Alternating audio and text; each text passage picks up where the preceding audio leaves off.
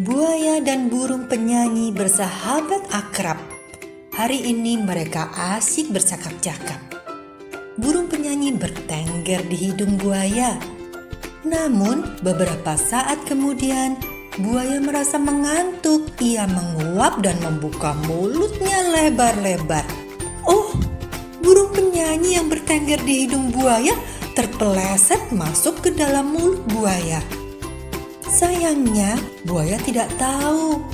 Ia bingung mencari burung penyanyi yang kini tak ada lagi di hidungnya. Aneh, ke mana burung penyanyi ya? Gumam buaya. Ia pasti sedang mengajakku bercanda. Buaya melihat ke belakang ke ekornya, namun burung itu tidak ada.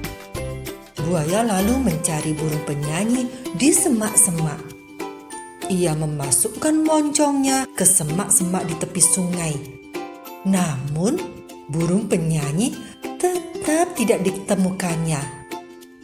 Ke mana ya ia tuh? Gumam buaya kembali.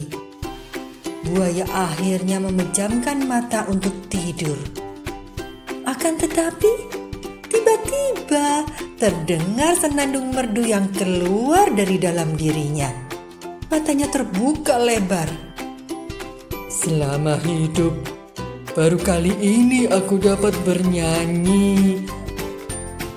Oh, aku akan mengajak burung penyanyi sahabatku untuk bernyanyi bersama. Pasti akan sangat menyenangkan.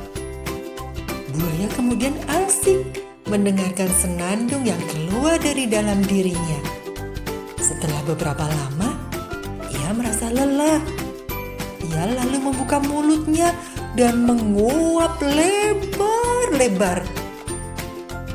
Ketika akan menutup matanya, ia melihat satu makhluk bertengger di hidungnya.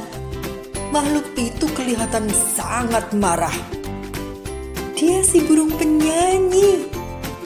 Kau jahat, omel burung itu. Mengapa kau tidak memberitahu kalau ingin membuka mulut? Aku terjatuh ke dalam mulutmu tahu? Menjebalkan. Buaya mengenyitkan dahi. Jadi, Kata buaya. senandung yang terdengar dari dalam diriku itu suara senandungmu, bukan senandungku. Ya, jawab burung penyanyi. Ekornya digoyang-goyangkan. Kau kan tahu, kau tidak bisa bernyanyi sama sekali. Suaramu sangat sumbang, tak enak didengar. Buaya sangat sedih mendengar perkataan itu. Air matanya menetes. Aku pikir senandung itu suaraku. Katanya pilu. Kau tahu, aku ingin sekali bisa bernyanyi. Tadi ku pikir aku sudah bisa menyanyi. Ternyata, oh betapa malangnya aku yang bersuara buruk. Burung penyanyi merasa iba. Ia segera mencari cara untuk menghibur sahabatnya itu. Teman, bagaimana kalau kau membuat gelembung-gelembung air dan aku bersenandung? Kita lakukan bersamaan. Suara yang terdengar pasti sangat enak didengar. Buya setuju.